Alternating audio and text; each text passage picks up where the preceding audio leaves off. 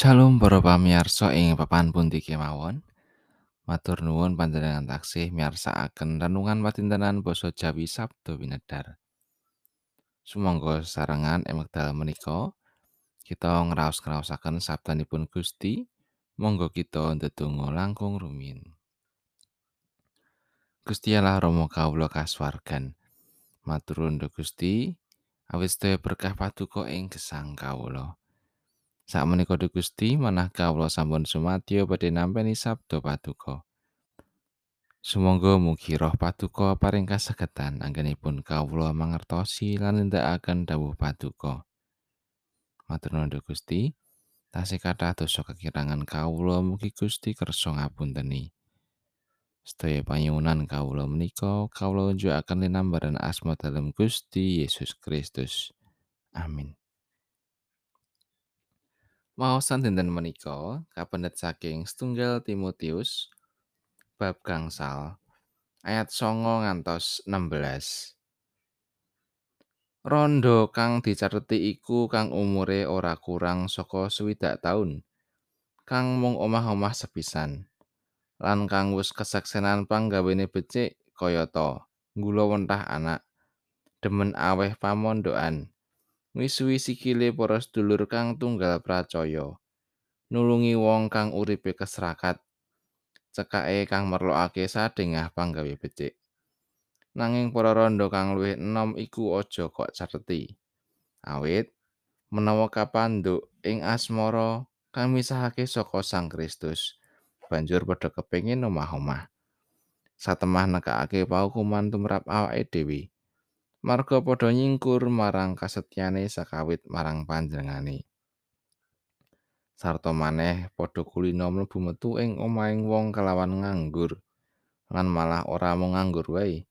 nanging iya karo ngoceh lan nyampuri pakarane wong liya sarta ngandhak-ngandhakake bab-bab kang ora pantes. Awit saka iku, karepku rondo-rondo kang isih enom iku padha omah-omah maneh. Padha anak-anak nuntun brayate sarta aja padha aweh dadakaning pangolo-olo marang satru kang katujokake marang kita. Marga wis ana rondo sawetara kang kesasar nuruti iblis. menawa ana wong lanang utawa wadon kang pracaya kang brayate ana randane iku dibiyantonono supaya ora dadi rereksaning pasamuan satemah pasamuan bisa rumeksa marang para rondo kang pancen kapiran.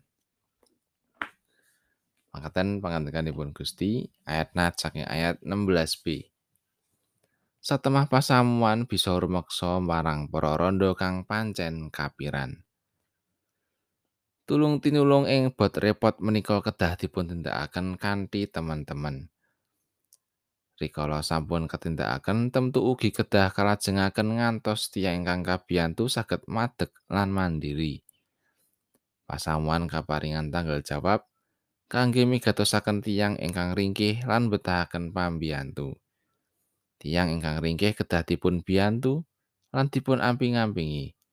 Dipun gatosaken lan dipun belani. ingkang kawastanan rondo kang kapiran tegesipun tiyang ingkang nandang ringkih saya menika miturut tata sosial ekonomi dalah tata agami. Tanggal jawab ngerimati gesangipun tiyang keserakat menika setosipun ugi sampun dangu dados piwulang suci kados tol ing jaman Nabi Elia. Gesang tulung tinulung menika awit pangring Gusti Allah. Wonten ing pasaman-pasaman utawi gereja Tentu wonten komisi ingkang dipun tugasi secara mirunggan kangge ngatosaken lan ngrimati para pasamuan ingkang ringkih, para rondo, para duda, ugi tiyang keserakat sanesipun. Dados batan rondo kedah dipun mangertosi secara wiyar ateges sinten kemawon ingkang ringkih kareksa dening pasamuan. Warganing pasamuan ingkang kiat menika dados margining berkah kangge tiyang ringkih. ingkang dipun wastani ringkih menika mboten namung winates ing babagan bondo donya nanging ugi ngengi kathah perangan lan ingkang betahaken margining pangluaran minangka umatipun Gusti sumangga tansah sembodo ing lampah utama kanthi mbikak manah kangge sederek-sederek ingkang perlu kabiyantu teman tanggal jawab menika Radin. Ampun ngantos wonten ing jaman samangke menika, kita merangguli wonten sedherek ingkang kapiran gesangipun ing satengahing pasamuan-pasamuan kagunganipun Gusti. Amin.